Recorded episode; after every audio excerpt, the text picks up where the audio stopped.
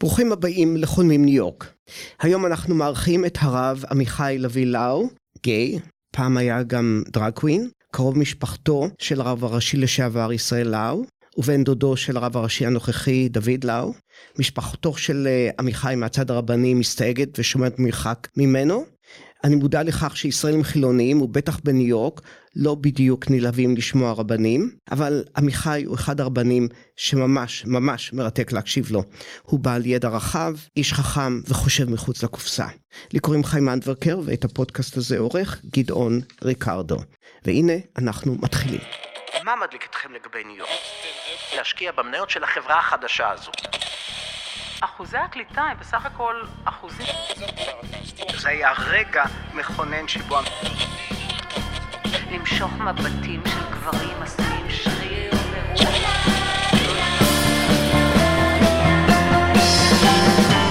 אז בואו נדבר ניו יורק. ישראלים חולמים ניו יורק, הפודקאסט של חיים הנדברקר שיספר לכם על ניו יורק כפי שאתם לא מכירים אותה.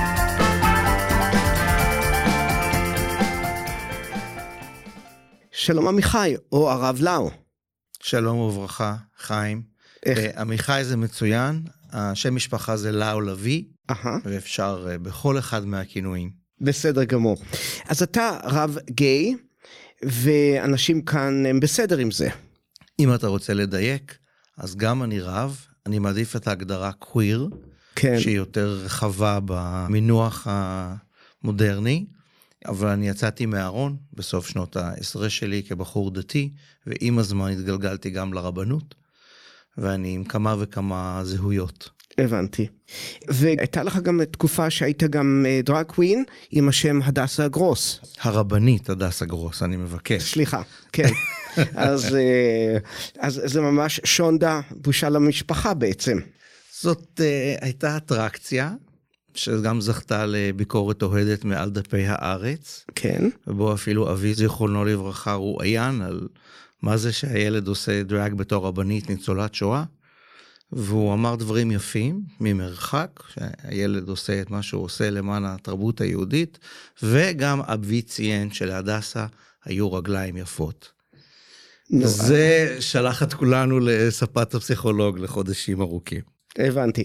טוב, זה נשמע שכולם שמחים וטובי לב. אני לא בטוח שזה כך. אה, אני מבין שהמשפחה בישראל, בעיקר- המשפחה שנמצאת ברבנות, אה, די שומרת מרחק ממך. אני לא חושב שיש פה טינה, יש פה זהירות, ומזה שנים, אה, גם עם המשפחה החרדית שלי, גם עם המשפחה המתנחלת שלי, בחרתי לגור בניו יורק, בחרתי בחיים שבהם אני מרגיש טוב עם מי שאני, ולחלק מבני המשפחה שלי זה פחות נעים. אז אנחנו פשוט שומרים על מרחק, ונפגשים בכבוד כשיש הלוויות, או לפעמים אירועים אחרים, ואיש באמונתו יחיה. אז הם לא מתייחסים לזה כאל בושה למשפחה, או לפחות לא אומרים את זה, לך. לפחות לא אומרים את זה לי. אני דבק בגאווה. ואתה עשית איזה שהם ניסיונות אולי להתקרב למשפחה, להגיע לאיזשהו פיוס, או זה מין סטטוס קוו של אה, לוויות וזהו. תראה, נכון לעכשיו אני מאוד מאוד בר מזל שאימא שלי, שהיא בת 93, זכתה והשכילה לייצר הכלה. כלומר, לא זרקו אותי מהבית, וזה בית דתי, אורתודוקסי, שמרני מאוד. בשאר המשפחה, דודים שלי וכולי, יש יותר ריחוק, זאת חברה הרבה יותר חרדית והרבה יותר חרד"לית. ומבחינתי כרגע אין אינטרס ספציפי לייצר שיחה עמוקה. אני בטוח שעם הזמן הם יקרו. יש לי עניין רב שבתוך הבית אב הזה שאני שייך אליו, תהיה הקשבה, גם אם לא הסכמה. כרגע זה לא שיא העדיפות לכל אחד מאיתנו, אנחנו בעיצומו של מאבק, אפשר להגיד, חברתי. אבל אני אשמח שיבוא יום, וחלק מהמשפחה הגדולה הזאת, על דעותינו המאוד מאוד שונות. אנחנו דור אחד או שניים אה, אחים שעמדו ביחד ועוד שרדו ביחד, שנוכל לשבת ביחד ולהקשיב זה לזה. ויש לך גם אה, משפחה גרעינית אה, מאוד ייחודית, אולי תספר לנו עליה? כשיצאתי מהארון, מה שהכי צייר את אימא שלי זה שלא יהיה לי ילדים. זה היא סיפרה לי, אחרי הרבה שנים, עכשיו התחילו להיוולד לי ילדים. כן. אה, נפגשתי כאן בניו יורק עם אה, זוג נשים, לסביות, אה, יהודיות, מעורבות בתנועות קרובות לשלי, שהציעו לי להיות תורם זרע, Engaged Sperm Donor, וביחד לייצר סוג של משפחה אלטרנטיבית, קווירית, יהודית, כן. כאן בניו יורק, עם זיקה עמוקה לארץ, לשלושתנו. וכך קרה שאליס כבר בת 16, ועזרא בן 14, והלל שרלוט בת 12, והם גדלים כאן, ואני בקשר מאוד עמוק איתם, וכרגע הבן שלי בארץ ומבלה שבת אצל אימא שלי. אז uh, זכיתי לייצר, לא בלי קשיים ואתגרים, משפחה אלטרנטיבית, שגם המשפחה שממנה באתי, uh, מחבקת אותה. יפה. והאימהות הן ביחד? עזוב, זה כבר אופרת סבון מסובכת, הילדים סבבה, the kids are okay, כמו שאומרים. כן. אז רק רגע, אני יודע שהתחלתי בכוונה עם הצד שהוא יותר קוריוז, אבל uh, עמיחי, הרב לאו לביא, הוא רב בעיניי שמאוד רציני ו... הדעות שלך הן דעות מאוד מעניינות, אז לא לא שאני מזלזל בדברים שנאמרו עד כה, אבל אני חושב שטוב שכולנו יודעים בדיוק את הרקע הזה, ו- ומכאן אנחנו נצא לדרך. אז עמיחי, יש לך כאן קהילה, בית כנסת? מהדברים שדיברת עליהם, חיים, תרשה לי לספר סיפור קצר, בבקשה. שיביא לך את מאיפה באתי ולמה אני עושה מה שאני עושה עכשיו. כן. אה, אנחנו במקרה נפגשים ביום שישי, ומחר בעצם בבתי הכנסת, קריאת התורה, פרשת שבוע, זה הפרשת בר מצווה שלי, וזה אחרי מות קדושים, באמצע ספר ויקרא. כשהייתי בן 13 היינו פה בניו יורק, אבא שלי עבד בקונסוליה. והגענו לניו יורק, הייתי בן 12, הגענו מבני ברק בעצם, אה, בני עקיבא, כן. ואני צריך לעמוד על הבמה בבית הכנסת ולהקריא את כל פרשת השבוע בעברית. אלא מה? אני מגמגם די קשה מגיל 10. בעברית, עכשיו גם באנגלית. כן. ואני צריך להקריא את הפרשה ואני לא מצליח. והיה לי מורה חכם שנתן לי להאט. הוא אמר, אתה פשוט רץ מהר מדי, אתה לחוץ, תנשום. ולימד אותי איך לקרוא את התורה. איך לעצור ולנשום ולשים לב. ולמדתי לא לגמגם ולהעמיד פנים ולהאט. אבל כשהתחלתי להאט ולשים לב לפסוקים שאני קורא בתורה, בפרשת בר מצווה שלי, שמתי לב שיש בהם גם את ואהבת לרעך כמוך, וגם את ואת זכר לא תשכב משכבי אישה תועבה היא. זה מופיע שוב פעם, מות יומתו, דמיהם בם. ובגיל 13, על במת בית הכנסת ב Fifth Avenue, בחליפת פוליאסטר חום, כי זה ה-80's, אני כבר יודע מה קורה, ואני יודע שהפסוקים האלה זה גזר דין מוות, כן. ואני תועבה. אז אני לא מגמגם ככה, אבל מתחיל לגמגם אחרת. ולמצוא דרך לתרגם את הדבר הזה שירשתי, שזה הבית וזה המשפחה והתורה והחוקים והסיסטם והאלוהים, לבין מי שאני, שלא מרגיש כמו תועבה ושצריך אה, למות בשביל זה. ובאחר שאני גדל ב-80's וב-90's, שמתחילה להיות מודעות חברתית של אה, זכויות גייז, לא כטובה, אלא כזכות, ולהבין שגם התורה שירשנו היא הומופובית ופטריארכלית, נגועה בהיסטוריה ספציפית שכבר לא רלוונטית להיום. בשלב מסוים בחיי התחלתי לתרגם את התורה מחדש. כן. אז אני- רגע, לפני שאתה מתרגם את התורה מחדש, כאשר אתה עומד על הבימה ואתה אומר בעצם את המילים האלה שדינך הוא, הוא גזר מוות, מה זה עושה לך בראש עם אותה חליפת פוליאסטר על הבימה לפני אורחים חשובים מאוד? מה בדיוק עבר לילד בן 13 בראש, אני לא זוכר. אני כתבתי על זה, כתבתי את זה, כתבתי את דרשת הבר מצווה שלי כשהייתי בן 40, כאילו אני הילד בן 13 ואני הבן 40 עומד לידו ונותן לו יד בכתף ואומר, יהיה בסדר. אבל אני יודע שהיה המון פחד והמון בושה ותחושה שאני לא שייך, שאני לא קדוש, שאני לא בצלם, שאני טמא וכולי וכולי. אנחנו יודעים היום מספיק על אה, בריאות הנפש, לדעת שכמה שיותר נותנים עידוד לידיעה שאתה אהוב כמי שאתה, ובואו נעזור לך, במקום אתה לא בסדר, זה יוצר אנשים בריאים. אז uh, חלק מהעבודה שלי על עצמי, ובעקבות זה גם כלפי הציבור, זה להבין שירשנו מורשת מאוד עשירה ומלאה טוב, ותוכן משמעותי לחיים בריאים, ותכנים שצריכים להתחדש, או להתבטל, או להיות מתורגמים מחדש. כמו היחס של היהדות כלפי הנשים, שבכל העולם, וגם אצלנו, עד לפני כמאה שנה היו משרתות. כן. כמו היחס אל עבדות, כמו היחס לעבודת האל, שפעם זה היה קורבנות, וזה שליש מהתורה, ואז זה עבר למילים. בוודאי כמו היחס לאחר, אם הוא הזר, הלא יהודי, ובוודאי שהוא היחס להומואים. אז היום במאה ה-21 אנחנו אומרים, אוקיי, יש יהדות שירשנו, שבה גברים יותר מנשים, ויהודים יותר מזרים, וזכרים יותר מנקבות, וסטרייטים, אוקיי? אבל איך מעדכנים גרסה? איך לוקחים את מה שטוב בתורה ומתרגמים את זה אחרת? מה שבבר מצווה שלי התחלתי לעשות בלי לדעת. אבל כאן זה לא תרגום, זה לעשות בדיוק הפוך. תרגום זה לא translation במובן של גוגל צ'אט GPT. כן. המילה תרגום משמעותה אדפטציה. כן. משמעותה שיש לנו תורה שבכתב ותורה שבעל פה. והמילה האחרונה של התורה זה התורה שבעל פה. אנחנו מעדכנים גרסה בכל דור ודור. וזה אומר שלהומו, שלפני מאה שנה היה אסור לפתוח את הפה, כי היו הורגים אותו, וזה קורה עכשיו באוגנדה, וחס וחלילה, אולי גם בבני ברק, בוודאי שבפלסטין, אז אנחנו יודעים שיש לנו עוד הרבה עבודה לעשות, שכתבי הקודש יכולים להתעדכן כדי שחיי האדם יכובדו. כן. זה פיקוח נפש, זה פוליטיקה. ובין אם זה תורה או קוראן, Bible או Constitution, עדכון גרסה אומר שהחיים הדתיים פוגשים את חיי האדם. וזו מלאכה שאני כרב לקחתי על עצמי להיות חלק ממנה. עדכון הגרסה. כן. טוב, שינינו את הכיוון של ה... סליחה, המפגש שלנו, אבל זה בסדר גמור. אז אולי תספר לי קצת איך יצאת מהארון.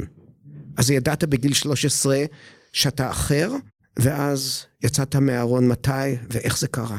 אה, ידידי הטוב, הרב סטיב גרינברג, שהוא ה-first gay orthodox rabbi, רשמית, אמר לי פעם שאתה יוצא מהארון כל יום. כל יום יש איזו שיחה עם מישהו שאתה פתאום צריך להגיד, הנה זה מי שאני. Uh, מתי זה קרה לי בדיוק, זה קשה לדעת, אבל בתור ילד בן עשרה, בישיבות תיכוניות, בארה"ב, אחר כך בארץ, בצבא, ידעתי למי אני נמשך, ולאט לאט הבנתי שיש פה קדושה, ולא רק תאווה. שזה סיפור שהוא לא רק קשור לסקס, הוא גם קשור להוויה מאוד uh, משמעותית של אישיות, של זהות, של היסטוריה של אנשים שהם בין הזכיות לנקביות מייצרים אומנות. מתי המשפחה שלך למדה על זה? אז פה גם יש, אה, זאת אה, אופרה בכמה מערכות. אה, רשמית, יש סיפור דרמטי. בערב ראש השנה, 1993 או 4, כבר אחרי צבא, כבר אחרי גיחה לחו"ל, אני גר בדרום הארץ, במצ... ליד מצפה רמון, באיזה בית הערכה קטן. שם אני טבח ועורך קבלות שבת קטנות ומדיטטיביות בין הצוקים, ככה למצוא את עצמי. ונכתבה כתבה על המקום בערב ראש השנה במעריב, סמוס, סוף שבוע, אני חושב, המוסף, על המלון המיוחד הזה, סוכה במדבר, ועליי, עם צילום שלא ידעתי שצולם, עם אמירה שלא הסכמתי עליה, שאני מחוץ לארון, ואני חי בגאווה עם מי שאני והמשפחה כולה יודעת. זה היה שקר. זה היה מפעל האאוטינג של שנות התשעים. ודודי אז היה הרב הראשי, אבא שלי היה בפוליטיקה, כאיש ציבור. לא הסכמתי שזה יפורסם, ובוודאי לא ידעתי על זה. זה הגיע לי בהפתעה. בשעתיים הראשונות חשבתי שאני הולך לקפוץ מאחד הצוקים של המכתש, ואז בעצם הבנתי שקיבלתי מתנה גדולה. וזהו, שנה טובה, בבקשה, חבר'ה, להתמודד. אז בדיעבד העיתונאי אה, שלא עמד בהבטחה שלו, אולי, אה, בעצם עשה לך דבר טוב. אתה אומר אמירה תיאולוגית, חיים. תראה, בדיעבד, כמו שאומרים, שזאת מילה נהדרת, ממקורותינו, הכל לטובה. זה לא היה פשוט, היה המון צער והמון עוגמת נפש שיכולה הייתה להימנע, אבל מתוך העוגמת נפש נפתחה נפש. אני החלטתי שאני חוזר לעיר, ועם הזמן אה, לוקח על עצמי את המשימה של באמת להסתכן למאיפה שבאתי בעיניים, ולמצוא את הדרך שלי בתוך זה. זה תחילת דרכי, ואחר כך זה גם נהיה תחילת דרך, אה, הייתי אומר, פוליטית. מבחינת העשייה.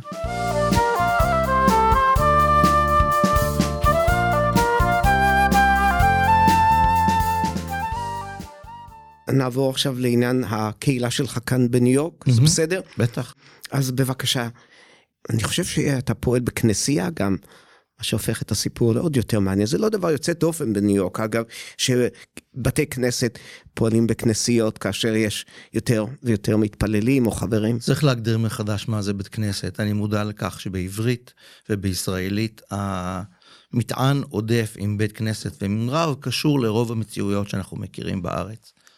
אה, אורתודוקסיות, אה, לאו דווקא, אבל מין הבנה של מה זה ממסד. אני התחלתי, כשהגעתי לניו יורק לפני 20 פלוס שנה, התחלתי קבוצת תיאטרון. קבוצת תיאטרון שמטרתה לתרגם את סיפורי התורה, את קריאת התורה, ממשהו סטטי לאירוע דינמי, תיאטרלי, שמתרגמים את קריאת התורה בטעמים, קוראים את זה בעברית, כן. מתרגמים לתיאטרון באנגלית. זה לאט לאט גדל מקבוצת תיאטרון שהסתובבה בכל הברית לקהילה של אנשים שרצו לבוא ביחד ולייצר כל מיני טקסים, כמו זה קבלת שבת או יום כיפור אלטרנטיבי או ליל סדר. לתרגם את זה מחדש גם ליהודים ושלא יהודים, כי זה חלק מהמשפחות שלנו, עברית ולא עברית. קדוש וקצת אה, חול, לעשות את זה מעניין, לתרגם את זה לעכשיו. זה לאט לאט גדל, ולפני כ-12 שנים החלטנו שבעצם אנחנו לא קבוצת תיאטרון שעושה טקסים, אלא קהילה יהודית אלטרנטיבית שבליבה תיאטרון.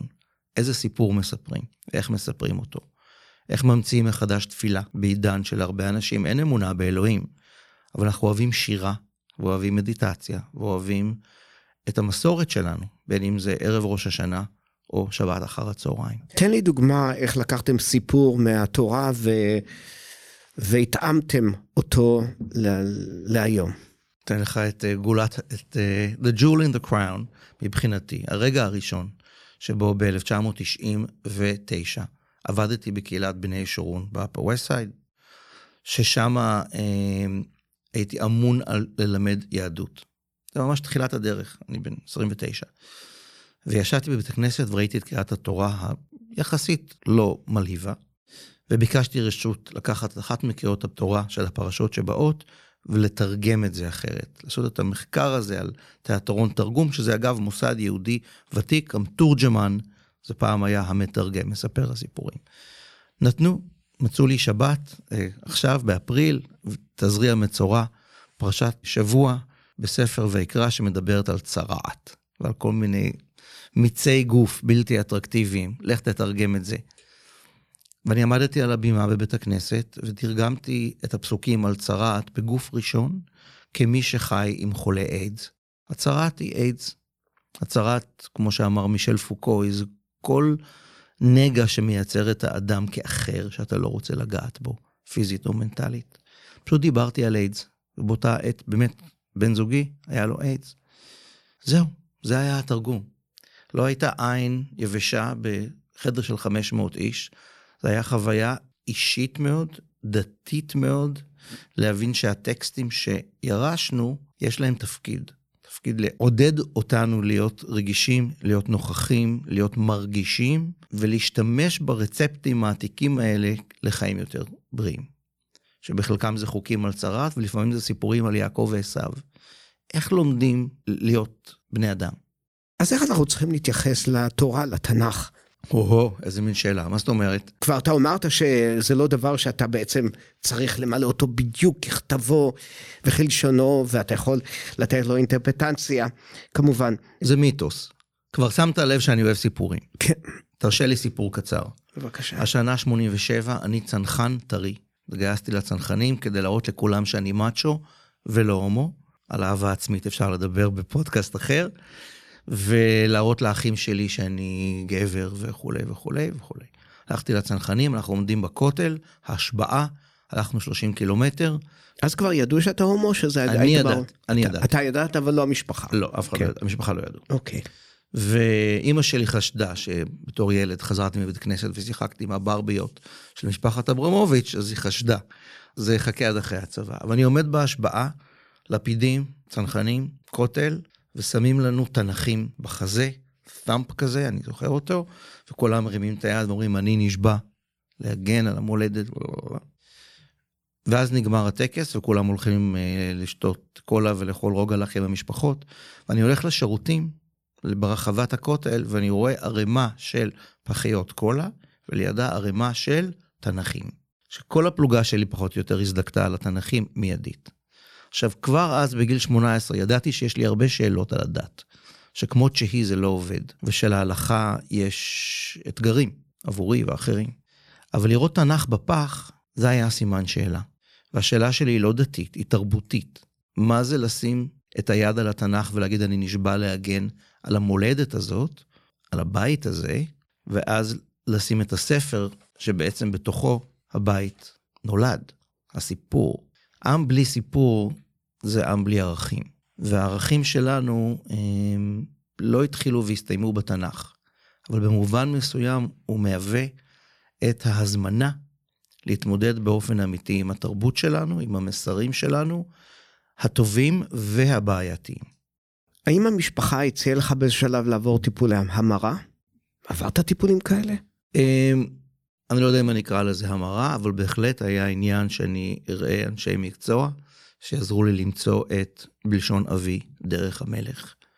אה, אחד מהם באמת הלכתי אליו, פסיכואנליטיקאי בירושלים, זה היה מאוד מוקדם בבוקר, ובדרך כלל נמנמתי, עבדנו על חלומות live, והוא עזר לי מאוד להוריד את הכיפה, להבין שאני לא סוג כזה של דתי, שאני לא אורתודוקסי, ולאכזב את הוריי.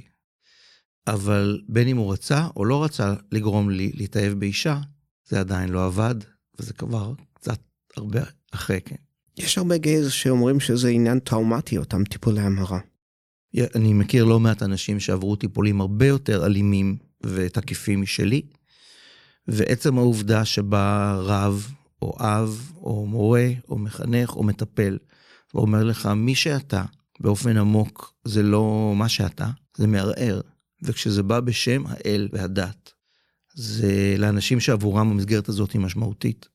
כסדר פנימי הגיוני, זה מערער מאוד.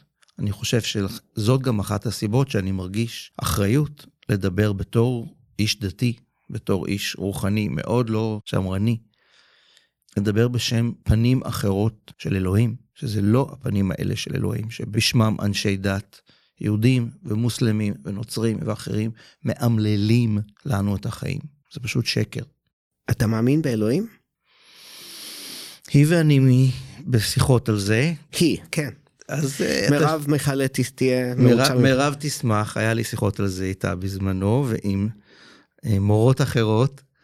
תראה, יש לי יחסים מאוד אינטימיים עם הדבר הזה שנקרא חיים, שיש לה הרבה פנים והרבה מסכות, שבתרבות היהודית והעברית לפעמים זה אדוני צבאות, לפעמים זה השכינה, לפעמים זה שבת המלכה או אסתר המלכה, ולפעמים זה הנשמה או הנפש.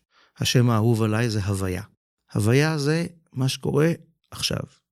ירשנו אוצר מילים ומפת דרכים להיות בהוויה, להיות נוכחים. חלק מזה עם השנים עבר כל כך הרבה שכבות של הגנה וסייגים ופחדים וטראומות, שחלק מהתפילות וחלק מהבקשות וחלק מהמנהגים והטקסים מרגישים אה, עייפים או אלימים ולא רלוונטיים. אבל חלק לא קטן מהם, אם משתמשים בהם נכון, הם מתרגמים אותם אחרת, מכניסים את זה לגוף, מזמינים את כולן לשולחן, אז יש לנו מפת דרכים ומתכונים לחיים שיש בהם גם קדושה, גם קשר לעבר וגם יצירה דינמית וחושנית של משמעות. לי, לי באופן אישי, האמת היא שאני בסדר גמור עם אלוהים. הבעיה שלי זה מה בני אדם עושים איתו ובשמו. יש לך מה להגיד על זה? אתה מדבר על אלוהים בזכר. עכשיו אני רוצה שתקשיב, אני בצרות, okay. כן. לא, אתה לא בצרות, אתה חי בפטריארכיה, אתה כן. חי בעובדה. היהדות שירשנו, אני אנסה להגיד את זה בפשטות, היהדות שאני ירשתי, אוקיי? Okay? אני בן 54, נולדתי בישראל, אני גר בארצות הברית, אבא שלי פולני, ניצול שואה, יהודי אשכנזי של דורי דורות, ואימא שלי מבית גרמני, יהודי, אירופאי המון דורות. גדלתי ציוני, גדלתי עם עברית. יש לי נגישות להמון ידע. זכיתי בעולם הישיבות. אז הנה מה שאני יודע. ירשנו יהדות, ציוויליזציה, דרך חיים, עם המון דברים מעניינים, שביניהם יש אלוהים שהוא זכר. נכון? אתה אומר, ברוך אתה אדוני. עכשיו דיברת עליו. עכשיו, מצד אחד, ברור שמדובר פה באיקונוגרפיה, בדמיון אנושי. אבל ברגע שאתה מדבר על אלוהים בזכר, ואלוהי היהודים, שלא כמו בתרבויות אחרות עם הזמן, הוא זכר אחד. ורק גברים יכולים להיות רבנים ביהדות הזאת. ורק גברים יכולים להיות במניין ביהדות הזאת. ואנחנו חיים בתוך קונטקסט פטריארכלי של הגבריות הזאת. אז ברור לך שזאת רק שכבה אחת של מה שאנחנו מדברים. אז כשאתה אומר אלוהים, ואני אומר הוויה, יש משמעות למגדריות. אז בוא נדבר על- על השכינה. בוא. או-הו, אוקיי, אוקיי. זה פינג פונג. Bring it on. כן. אז זהו, אז אה, אני בסדר גמור עם השכינה. אבל יש לי בעיה מה שאנשים עושים איתה. ו... ובשמה של השכינה, זה לא קל לי לדבר ככה, אבל אני אעשה את זה, אין בעיה. אני אזרום, איך שאומרים, כן. אבל בשמה של השכינה רוצחים אנשים, אה, הורגים אנשים, מתעללים באנשים, זה מפריע לי. כי הד- הדרך שבה אני רואה את הדת, זה בעצם, זה סט של ערכים, סט של התנהגויות אתיות אולי, אתיקה. אתיקה של פעם אולי, היום אתיקה שאולי טיפונת, או יותר מטיפונת, שונה. אבל אה, ברגע שבני אדם אה, מאפשרים לעצמם, מרשים לעצמם להתנהג באופן שהוא בעיניי לא מוסרי, לא אתי, בשמה של השכינה ובשמו של אלוהים, כי אנחנו לא רוצים להפלות אף אחד, זה נראה לי דבר שהוא לא במקומו. מה זה שלא במקומו? מדובר ב... בטרגדיה האנושית הכי גדולה עלי אדמות, שבשמו של אללה ובשמו של אלוהים ובשמו של ג'יזוס ובשמו של בודהה ובשמה של קאלי ובשמה של you name it, הפחד מתגבר על האהבה. והשלי יותר גדול משלך מאז ומתמיד. הוא אחד מהמניעים, כולל כלכליים וכולל פוליטיים, שמייצרים את האיבה המיותרת. וזה שזה בשם הלכאורה אלוהות, המשותפת לכולנו, כמו שאנחנו כולנו נושמים אוויר. זו הטרגדיה שבמובן מסוים מסמנת את מה שנקרא הפטריארכיה. את, התקופה הזו שבה אנחנו חיים. ואז בא ג'ון לנון ואומר, Imagine, שכל הדבר הזה של אנרגיה ויוגה ויופי ונפש יתרה, לא מלווה בשלי יותר גדול משלך. בלאומיות ולאומניות, בגזענות. וכאן אנחנו בעצם ממציאים מחדש שוב את היהדות העברית שגדלנו להגיד, היא נהדרת, אבל היא לא יותר נבחרת מזה שלך. אם אנחנו מדברים על מעשי אדם, אה, בשיחות קודמות שלנו, לרצח רבין הייתה השפעה גדולה עליך. בלילה שבו רבין נרצח, אני גרתי בירושלים, הייתי באמצע שנות ה-20 לחיי, ובתור מי שכבר היה דתל"ש, דתי לשעבר, חיפשתי דרך שיהיה מקום ליהדות שלי, אבל לא בהלכה האורתודוקסית שבה גדלתי. וחיפשתי את דרכי בסיפור הישראלי. הייתי מאוד מעורב בשמאל, בעד אה, אוסלו, ובכל האפשרויות לייצר שלום. כשרבין נרצח, עם כל ישראל והעולם, אה, הייתי בהלם, ובאותו לילה הסתכלתי על ירושלים מלמעלה, גרתי על דירת גג, וחשבתי לעצמי שמה שאני חווה זה את הסיפור המקראי של עקדת יצחק, פרק ההמשך. שבעצם התורה לא מסתיימה, הבנתי, היא ממשיכה להיות מסופרת, ושיגאל עמיר שמע קול בראש כמו שאברהם קול בראש שמע, שאומר לך תגן על המולדת ותהרוג את יצחק. לאברהם זה לא עבד, איזה מלאך הפריע, אבל לגאל עמיר זה עבד. ובשל זכות ארץ ישראל, קדושת האדמה גברה על קדושת האדם. ובאותו לילה הבנתי שיש אנשים כמו יגאל עמיר שגדלו כמוני בבני עקיבא, הם לוקחים אחריות על הסיפור, על הערכים, על המיתוס. ואנשים כמוני שגדלו בסיפור ומכירים את הסיפור, גם צריכים לקחת אחריות על המיתוס ולפרשן את זה אחרת. להגיד שקדושת האדם יותר גדולה מקדושת האדמה. וכאן התחילה המודעות שלי של לעבוד עם הסיפור היהודי, לתרגם את היהדות לעכשיו, זה לא רק מעשה דתי או רוחני או תרבותי, זה מעשה פוליטי. והיום, ב-2023, אנחנו יושבים פה בעיצומה של מהפכה משטרית ומחאה עולמית, שבליבה של המחאה הזאת, הגלובלית, יש את הפרשנות על פניה של היהדות ועד כמה אפשר לפרש. ואם אתה מדבר על פרשנויות, אנחנו יושבים כאן בניו יורק, וכאן יש לך אה, בית כנסת לכל זרם, לכל סטייל. אף אחד לא מתערב לך בחיים, בדרך כלל. לישראלים שמגיעים לארצות הברית, אה, כל העניין הזה מאוד מוזר. לי היה שוק גדול כשבפעם הראשונה הייתי בבית כנסת אה, רפורמי בפריס, והייתה שם רבנית עם מיני, התגברתי על זה. ו... אז אתה שייך לאיזה אחד מהזרמים? הוסמכת לרבנות גם. הוסמכתי לרבנות בתנועה הקונסרבטיבית, כאן בניו יורק, בבית המדרש לרבנים, ופרשתי מהתנועה הקונסרבטיבית מיד אחרי ההסמכה שלי, בגלל חילוקי דעות על ענייני הלכה ונישואים, שאני אוכל לדבר על זה, אבל uh, אני כרגע לא משוייך לשום זרם. אני כמו הרבה רבנים אחרים שהוסמכו כהלכה, אבל בוחרים להיות יותר הולו ונטפליקס מאשר uh, ABC, NBC או CBS.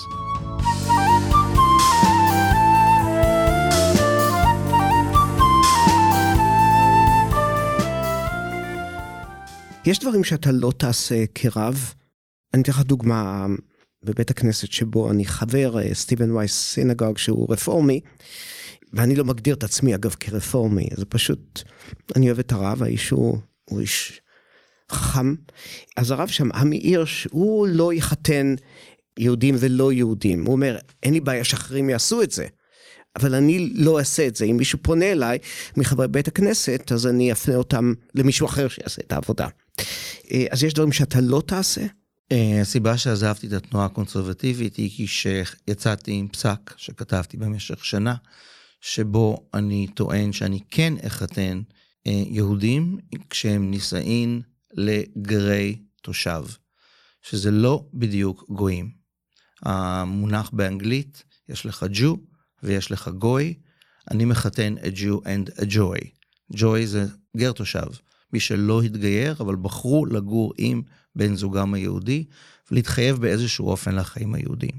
זו שיחה יותר מורכבת מעכשיו, אבל על הרקע של הג'וי פרופוזל שפרסמתי על גר תושב, עזבתי את התנועה הקונסרבטיבית, ואני מחתן זוגות שבאמת מתחייבים על עניין בסיפור היהודי. איפה שאני לא מחתן, זה זוגות שרוצים שאני אחתן ביחד עם כומר, או אימאם, או איש דת אחרת, שמראש הדת תהיה רב-דתית. החופה או החתונה תהיה רב-דתית. אני מאוד מאוד בעד שילוב ושיתוף ומיזוג גלויות ודתות. עמדתי האישית היא לגבי חתונה, אה, אה, להיות אה, משיא בכאלה טקסים אני מעדיף שלא. וכרגע אני מעדיף גם לא להיות רב נוכח בטקסי בריתות מילה. ולמה? אני אגבש את דעתי עם הזמן באופן מוצק, אבל אני לא חש בנוח עם טקס ברית המילה כמו שהוא מתקיים כיום. אני לא בטוח שהוא הכרח לעתידנו, ואני יכול לראות מקומות שבהם הוא משמעותי לאנשים וגם פוגע. כרב, אני לא רוצה להיות נוכח ומקדש החוויה, אני מעריך ומכבד את מי שעבורו זה כן משמעותי, וכמובן זה עם אנשים קרובים, אני אבוא לתמוך. אבל uh, יש לי פה עמדה שאני מעבד. אוקיי, okay. תחזור אלינו כאשר תגבש עמדה סופית בעניין הזה. יש כבר שם לקמפיין, אבל נגיע לזה. רק uh, מבחינת בית הכנסת שלך, אז איפה הוא כן. נמצא בדיוק? אז הקמנו בית כנסת שנקרא לאב שול, המעבדה או מעבדת כן. בעברית, ומראש הרעיון היה שזה everybody friendly, Jew, other, everyone, God optional, God fluid, כאילו מאמינים אבל love, ו pop-up. כלומר, אנחנו בגלריות, במוזיאונים, פה בג'אדסון צ'רץ' בוושינגטון סקוויר פארק, שהיא גם כנסייה וגם מרכז אומנות. אה, ידוע, ג'ון לנון שם עשה את ה-bed in המפורסם שלו עם יוקו אונו, וזה חלל ממש אייקוני, ואנחנו בפופ-אפים גם בניו יורק וגם מאוד וירטואלי עוד לפני הפנדמיק. התחלנו לעשות מלא דברים אונליין, אז גם וגם. זה נשמע שאתה רב מאוד קול, אה, לא בטוח ש... ישראלים יקבלו את זה, יגידו, אוקיי, זה אחד מהשיגעונות האמריקאים. אמ, אגב, גם, גם אם הם חילונים, הם יגידו את זה כנראה. תראה, חיים, מתי באים אליי אנשים, ישראלים או אמריקאים, כשסבתא מתה, שרוצים להתחתן, שנולד ילד, זכר או נקבה, ברית או שמחה, ושיש בר מצווה. עכשיו, זה לא שונה. כולנו צריכים אינסטלטורים, כולנו צריכים פיול uh, סטיישנס, כולנו צריכים מקומות שבהם לנפש, לטקס המעבר, לחניכה, מילדות אל בגרות, מחיים אל המוות, צריך שפה, צריך משהו. אלוהים, לא אלוהים, קדיש, קידוש, אפשר לדבר על זה. אבל פה עצמה, הצורך האנושי לא הסתיים. ועליי ועלינו להגיש לקהל המשתנה, בין אם זה פמיניסטי וקווירי וציוני ועברי ובניו ג'רזי ובברוקלין ובבני ברק. איך זה יכול להיות מתכון נכון לחיים, במיוחד בטקסי המעבר. כן.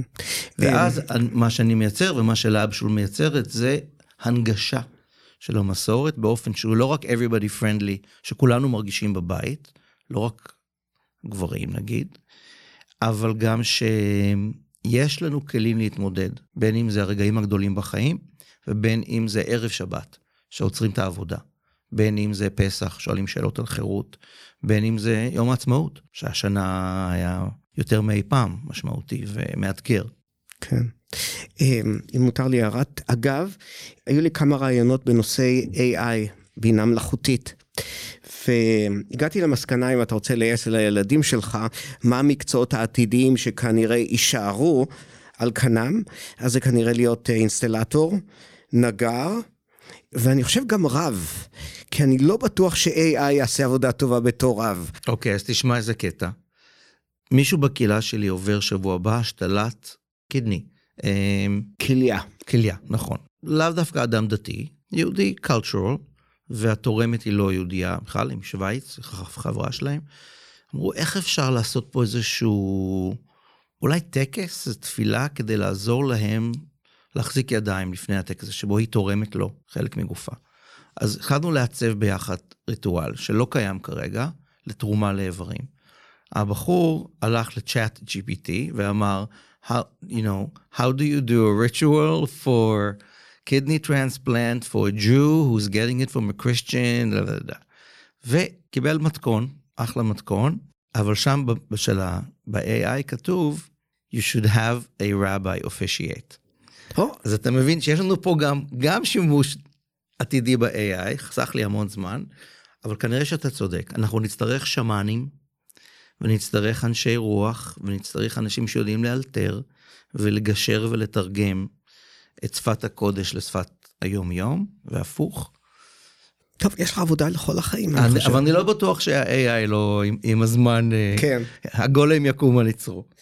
טוב, בוא נעבור לעניינים רציניים, אה, לא שלא היו רציניים עד כה, אבל תראה, אנחנו נמצאים בעיצומו של מאבק בישראל לגבי ההפיכה המשפטית. הפירוט בישראל מזכיר במידה מסוימת השבר בין ישראל ויהודה בתקופת התנ"ך. יש כאן איזשהו דמיון ומקבילה בעיניך? אמ, יש הרבה דיבורים היום על אמ, אוטונומיות, על קנטונים, על אה, חלוקה. שדה פקטו כבר יש סוג של חלוקה, דיברתי על המשפחה שלי. אנשים גרים ב enclaves שונים לגמרי. עכשיו פה אפשר לראות את זה בניו יורק, בוויליאמסבורג, אפר ווסט סייד, ובארץ, בבני ברק ובחריש, בלוד, ברמת גן, זה רק דוגמאות מאוד מעטות. אמ, אני לומד תנ"ך יום-יום כרגע, מעלה, קורא ומעלה פרק, ואנחנו בדיוק בעיצומם של הפרקים בספר מלכים, שבו יש פילוג של 200 פלוס שנה בין מלכות ישראל הצפונית ומלכות יהודה הדרומית. אני מודה ומתוודה שהמון שנים זה עלה לי עבר לי מעל הראש מה זה הסיפור הזה. אני עכשיו לומד אותו, יש תיעוד היסטורי, ארכיאולוגי. הייתה מלכות יהודה קטנה יחסית שמרכזה... אוקיי, okay, מדוע נוצר הפירו, הפילוג הזה? הנה, אני אגיד לך. מה בדיוק הייתה ההיסטוריה מיהושע ושאול עד דוד המלך, התווכחו איתך הפרופסורים והארכיאולוגים. אנחנו יודעים ככה, היה שלמה המלך, שהוא בעצם השני או השלישי בשושלת, ולפי הסיפור הוא שולט על כל ארץ ישראל. אבל מיד אחרי שהוא מת יש פיצול. הבן שלו רחבעם דורש מיסים מאוד גבוהים מכל העם, אבל יש שבט אחד שלא משלם מיסים. תנחש איזה. שבט יהודה, שבטו של המלך שיושב בירושלים. אבל כל שאר ישראל, בצפון, דן ואשר, נפתלי ובאר שבע, מתבאסים המון מיסים. הם בונים את בית המקדש ואת כל הערים הגדולות ומשועבדים. אז יש בעצם מרד מיסים נגד רחבעם, היורש של שלמה, דקה אחרי האימפריה הענקית ורבת האלים והאלות, דרך אגב, ויוצר יר, ירבעם, שהיה גובה המיסים של שלמה המלך, אבל הוא מהצפונים, ועושה מרד נגד רחבעם, מלך הדרומים, על מיסים. ושלמה ג'וניור, רחבעם אומר, אבא שלי נתן לכם שוטים, אני אביא לכם עקרבים. באם, ככה אני אהיה לכם. קשה על האופוזיציה, והאופוזיציה מורדת. וכך ניתנת מלכות ישראל. זה הסיפור הרשמי, הארכיאולוגים יספרו לך סיפור יותר מעניין. זה הסיפור בתנ"ך. עכשיו, מלכות ישראל זה עשרה שבטים. זה הון שלטון, זה כוח פוליטי, זה כוח צבאי, זה במיוחד מבחינת אדמות, כל מה שלא ירושלים וחברון ובאר שבע, פחות או יותר, כל השטח הזה. במשך 200 שנה יש שתי שושלות מקבילות, בית עומרי ובית דוד. יש מהומות ומהפכות, יש דם ודרמה. מי שכתבו את התנ"ך היו סופרים מבית יהודה, במלכות הדרומית. אז הם בוחרים לספר את הצפון באופן מפלצתי. אחאב ואיזבל, כולם עובדי עבודה זרה. שמאלנים. זה יותר חמור משמאלנים, אבל אין ספק, אנחנו קוראים את ההיסטוריה דרך העיניים של אה, מקור ראשון ולא הארץ, או פוקס, כן. ולא CBNBC. אבל יש פה, מה שאנחנו כן יודעים זה שבמשך כמה מאות שנים, בגלל אידיאולוגיות דתיות, פוליטיות, חברתיות וכלכליות שונות, היו שתי מדינות. יהודה הייתה קטנה מאוד, וכנראה במשך תקופה לא קצרה, אה, בת חסות של ישראל הצפונית, שהייתה קוסמופוליטית, שהתחתנה עם אה, לבנון, שסחרה עם כל העולם, שהאמינה בהרבה אלים, לא רק באדוני צבאות הקטן והעצבני. כן. אתה סטארט-אפ. אז היום אני קורא את פרקי היום בתנ"ך, ואני בהשתאות. קודם כל להבין שאני קורא טקסט פרופוגנדה ואני חייב לקרוא אותו הפוך, זה מלאכת קריאת התנ"ך, התרגום האלטרנטיבי. ולהבין שכרגע אנחנו מסתכלים על מציאות ישראלית שבה לא קשה לדמיין, לא רק דה פקטו, אלא דמיונית ו- ונכון, ישראל ויהודה. האם זה מה שאנחנו רוצים? בעצם שיש מדינת חרדים וחרד"לים, ויש מדינת אה, הייטקיסטים? האם זה אפשר גיאוגרפית? מה זה אומר עלינו? זה לא שונה ממה שאנשים בארצות הברית שואלים על the blue and the red. כי כבר נהיה אה, נתק וקיטוב כל כך עמוק. אני אגיד שנייה, מיכה גודמן, הנבון, בפודקאסט ששמעתי אותו מדבר, השבוע מדבר על קיטוב. מתי מגיעים משונות לקיטוב? אני לא אזכור את המספרים, אבל לפני 20 שנה שאלו אמריקאים, רפובליקאים ודמוקרטים, מה דעתכם על השני? והתשובה הייתה, הם אנשים טובים עם דעות לא נכונות. זה היה 80 אחוז של אנשים שנשאלו על האופוננט. היום זאת לא התשובה. התשובה היא, they're, they're evil people with wrong opinions. זה 60 אחוז. כלומר, עברנו לכיתוב. זה לא רק דעה לא נכונה, אתה תועבה, אתה לא בסדר. ובארץ, איפה זה עומד, קשה לדעת. אבל אני רוצה להאמין שההיסטוריה, במקרה הזה התנ"ך, ואני עדיין לומד אותו, זה גם מה לא לעשות, או איך לא לעשות, אבל גם מראה מקום של אולי שלום בית, באיזשהו אופן שיש לו מודל שלא צריך להתעקש. על כולנו באותו סלון, באותה אוקטבה כל הזמן.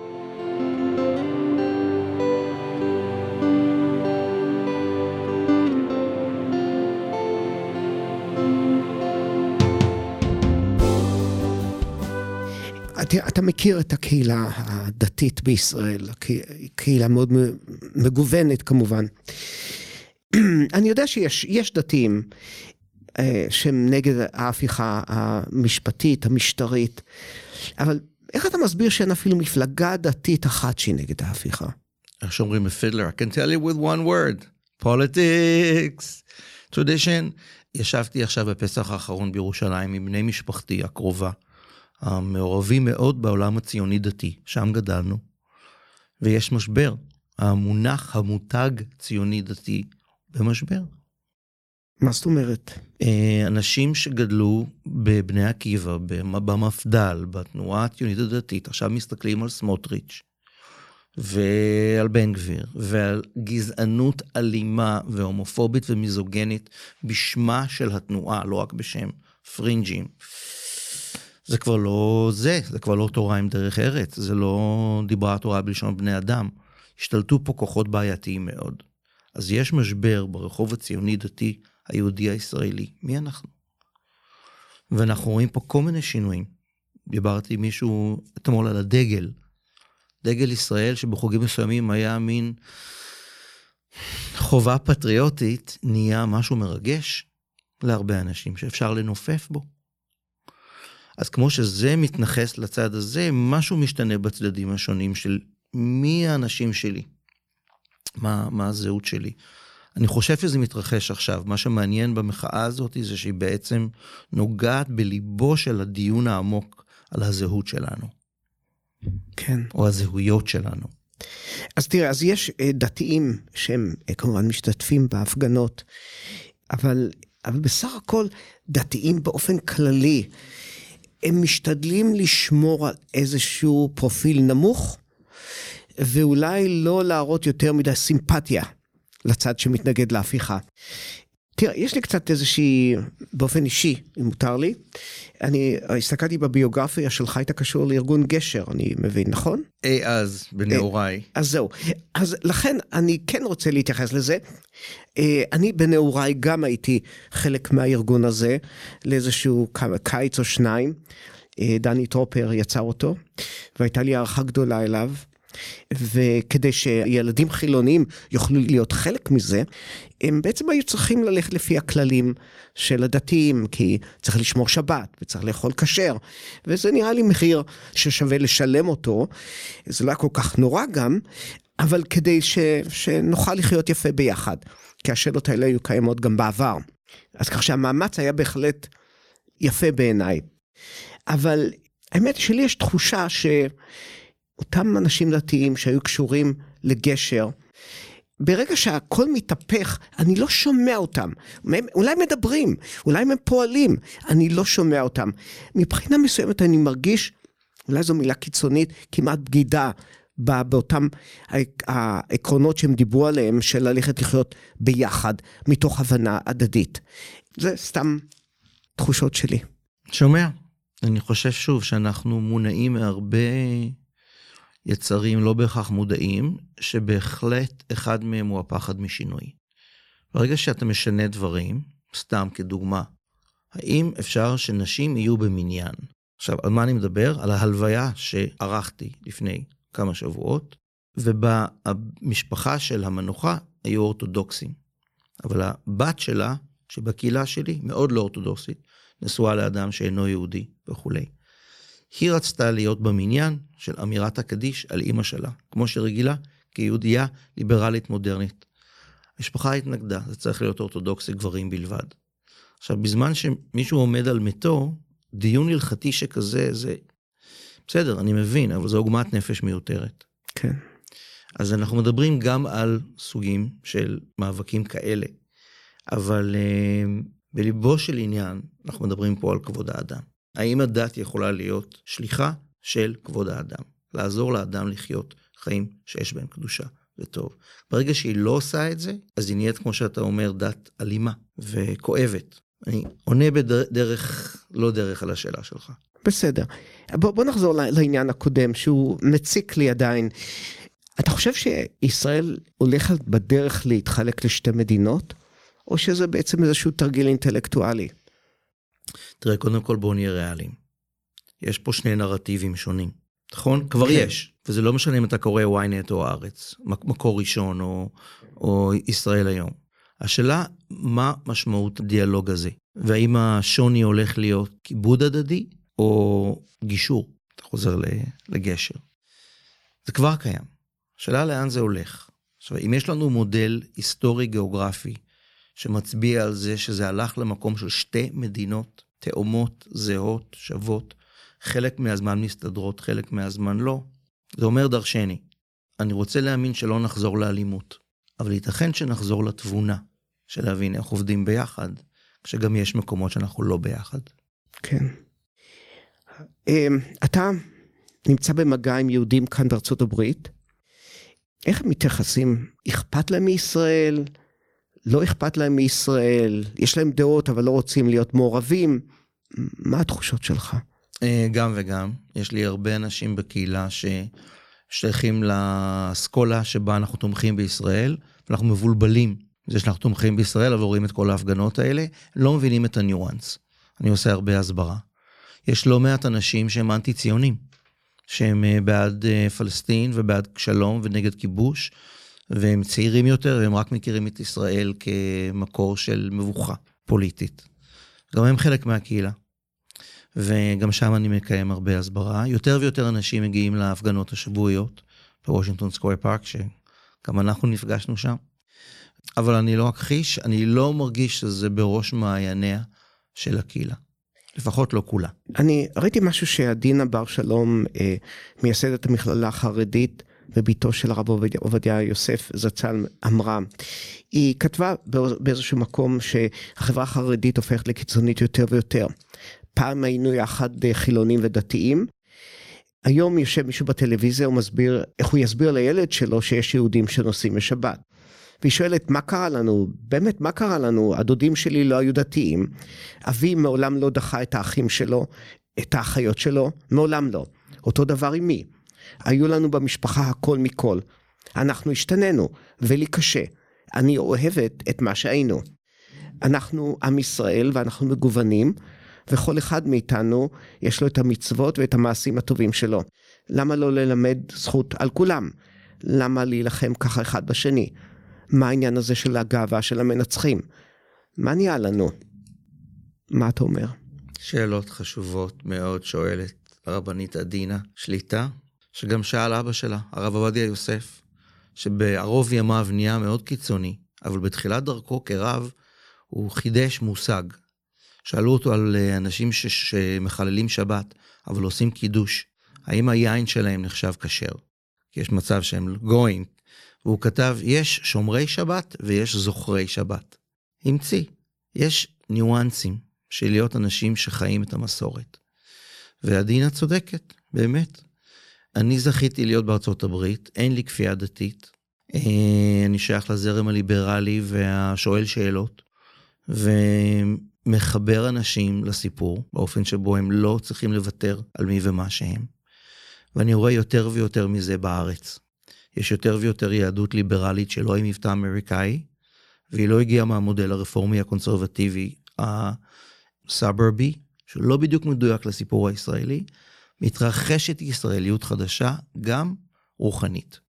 ולקרוא לזה יהודית או עברית, אפשר להתווכח. ישראלית, בהחלט, מתמודדת עם העול של האידיאולוגיות שירשנו, יחד עם התחדשות אמיתית. שבין השאר העובדה שאתה ואני יושבים פה ומדברים בעברית, שהיא כולו 100 פלוס שנה חיה כשפה לפודקאסטים, ושיש בה הרבה יותר ממילים. כלומר, השפה היא סוג של קוד, ואחד ההבדלים בין יהודים שגרים בישראל וכאלה שלא, זה העברית. כ- כמפתח להבנת התרבות. כן. אנחנו מדברים על ההתחזקות החרדית, גם גידול בילודה. מצד שני, אני שומע גם על בעיה בקרב החרדים, שדווקא מאז אה, מגפ, מגפת הקורונה והחשיפה לאינטרנט, שיש תופעה חזקה מאוד של חזרה בשאלה שם. אתה מודע לעניין הזה? כן, אלינו לקהילה מגיעים לא מעט אנשים שגדלו ברחוב אה, חרדי או דתי, ומכל מיני סיבות נפתחו להם העיניים לראות שיש תורה עם דרך ארץ, שיש שבעים פנים לתורה, שיש דרך לחיות מי שאתה ולהלכה יש מקום, אלוהי, וכולי וכולי וכולי, הדרך שאני מכיר היטב. ומבקשי הדרך נמצאים בשני הדרכים. אם זה אטום מדי, אלים מדי, אה, נוקשה מדי, או אם זה פתוח מדי, אז מסובך. יש מקום באמצע, זה מה שאנשים מחפשים. אני רואה גם בארץ וגם פה, שהמהפכה הנוכחית והמחאה הנוכחית פותחת הרבה דלתות אצל מי שמוכן למקומות של שאלות, על מאיפה באנו, מה משמעותי, על מה שווה להיאבק, זה, זה מייצר תזוזה. אני רק אגיד, יש את הפחד הגדול של הדמוגרפיה, שיהיו יותר חרדים מחילונים בישראל. כרגע 54% מילדים בכיתה א' בארץ שייכים לסקטור לכאורה לא ציוני. כלומר, הקהל החרדי או קהל הערבי. אמ, זה קהל הבוחרים של העתיד. מצד שני, מה אם אנחנו מייצרים יהדות שהיא באמת דמוקרטית ושוויונית ומצחיקה ואצילה ומתחדשת? ושהסיפור הערבי-פלסטיני הוא לא פה כסוג ב', אלא כערך משמעותי של היהדות והישראליות. ואז יהיה פה סיפור אחר עם אותם אה, בוחרים בעוד 18 שנה.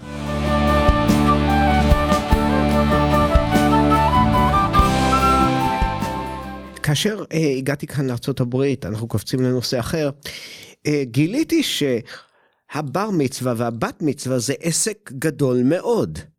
אה, בכמה פרטים אתה רוצה שאני אכנס לרזולוציה?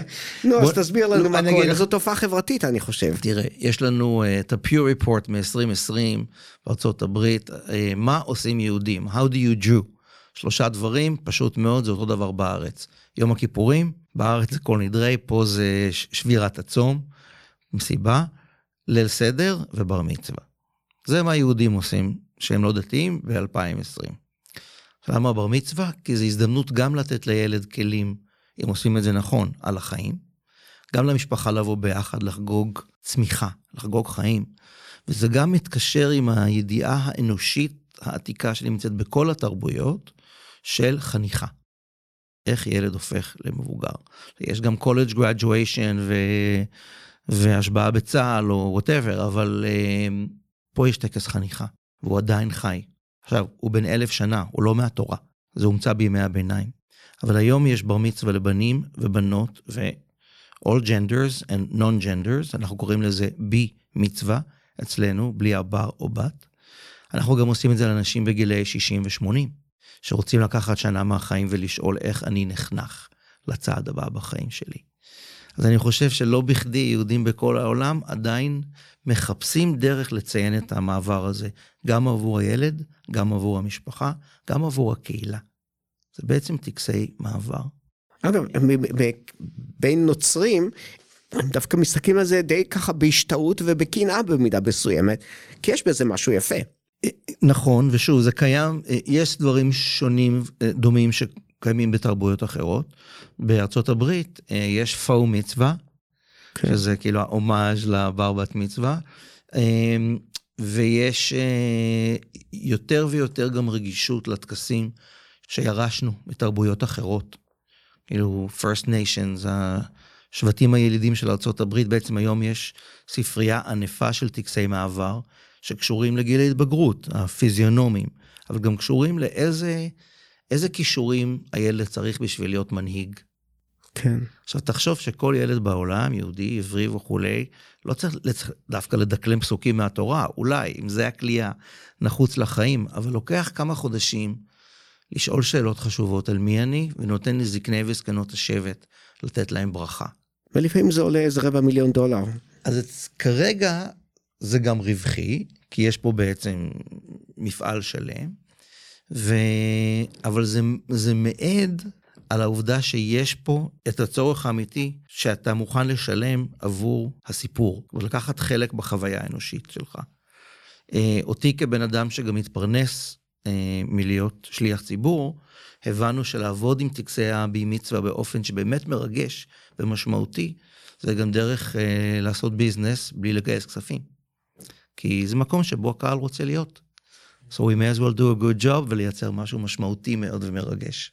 עמיחי, הרב לאו, לא דיברנו. עוד על אהבה. על אהבה? אוקיי, אז בוא לא, נתייחס לא, לזה. לא, אני אומר, יש so much we haven't talked about, חיים, נכון. ג- אז יש גלשתי. לי שאלה, אנחנו הגענו לשאלות הזהות, אז מה אתה אוהב לגבי ניו יורק? או-הו. אה, מה אני אוהב בניו יורק? אני בניו יורק 20 שנה, גידלתי פה שלושה ילדים, אני מכיר את סנטרל פארק מצוין, פה ושם בא לי ברודוויי, זה כבר לא קורה הרבה, אבל כאילו, וואו, אתה יודע שבמרחק יריקה יש אומנות חכמה. ויש off Broadway ו off off Broadway ו off off off Broadway בברוקלין, בין אם זה גסטרונומית, מוזיקלית, אה, הבאז. אודה ולא אבוש, שכני לעיר, שהבאז המנהטני אני גר בהרלם, בבית מקסים עם גינה, אבל הבאז הניו יורקי מתחיל להיות לי קצת רועש. רועש. רועש. אני, רועש. אני חולם על בית הערבה. על בית הערבה, יופי. אבל תראה, לפגישות הרקע, זו הייתה קביעה שלך, לא שלי. לקחת אותי לשני ברים אה, חב- חביבים מאוד, אז אתה גם אה, לא. רבי cool. אני רב cool. אם כבר, אז כבר. אה, כן. אתה יכול כאילו לשבת בסטארבקס או לשתות מרלו יותר משובח איפשהו, נגיד. יש לך מקום סודי שבו אפשר למצוא אותך שם? החצר האחורית שלי בהרלם, זה לא ממש סודי. אין לי, אין לי הנגאוט. כן. ומבחינת האתגרים של החיים להיות כאן בגיי בניו יורק, זו עיר מאוד פרנדלי לגייז, אבל בכל אופן, יש אתגר. יש אתגרים.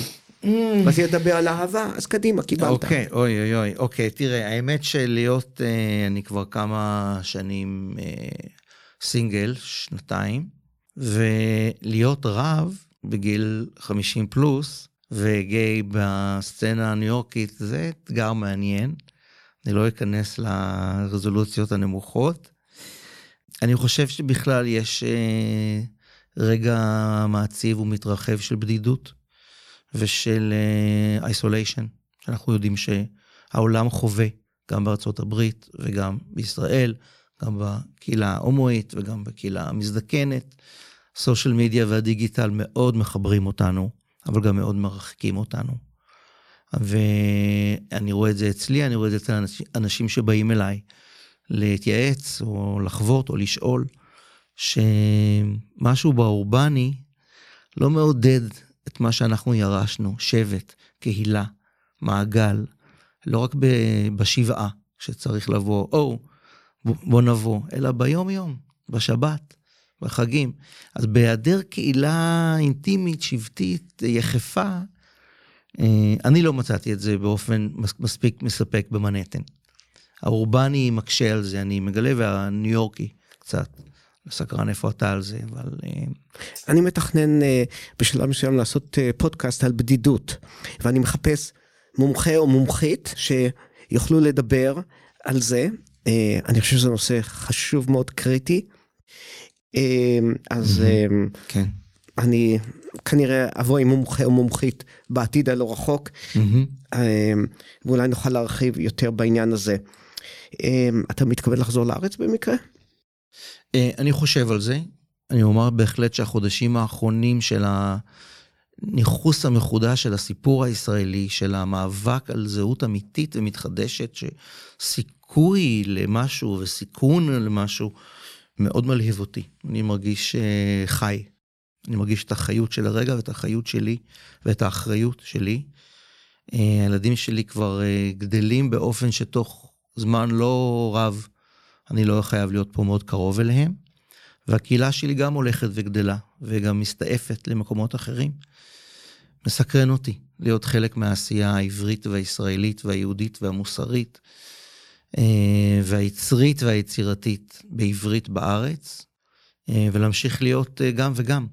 אמ, היה לנו פודקאסט ליום, ליום הזיכרון עם עודד חרמוני, שאביו נפל במלחמת יום הכיפורים, והוא מגיע בימים של יום הזיכרון לישראל, והוא הלך, והוא הלך להפגנה בקפלן, ואם לא הקשבת אני מציע שתקשיב, זה קצר מאוד, שבע דקות, והוא בעצם גילה שם מחדש את uh, ישראל של פעם, את ישראל הטובה, וזה גר, גרם לו להתרוממות נפש. אז um, אני חושב שאני יודע על מה אתה מדבר. Um, חבל שזה קורה בנסיבות שכאלה, אבל בתוך כל הבלגן שמתרחש כרגע, גם, יש גם משהו טוב שהולך ומתפתח לו. המילה העברית משבר, למדתי לאחרונה, שהיא מקראית, משמע crisis, אבל היא גם המילה לספסל לידה. ללדת על המשבר זה פשוט משהו נולד, מתוך משבר. אז מתוך מן המיצר, מרחביה. אז סיימנו בדבר תורה. אה. התרחבות, התרחבות הלב. כן. תודה על. ההקשבה, על כל הפטפוטים. כן, תודה לך הרב עמיחי לביא לאו, שהיית איתנו היום, ותודה גם לכם המאזינים שהקשבתם. אנא שתפו את הפודקאסט עם כל מי שחולם על ניו יורק, גם בישראל, וכמובן נשמח לשמוע גם מכם. להתראות בפעם הבאה, ושוב, תודה לך. תודה לך, חיים. להתראות. להתראות.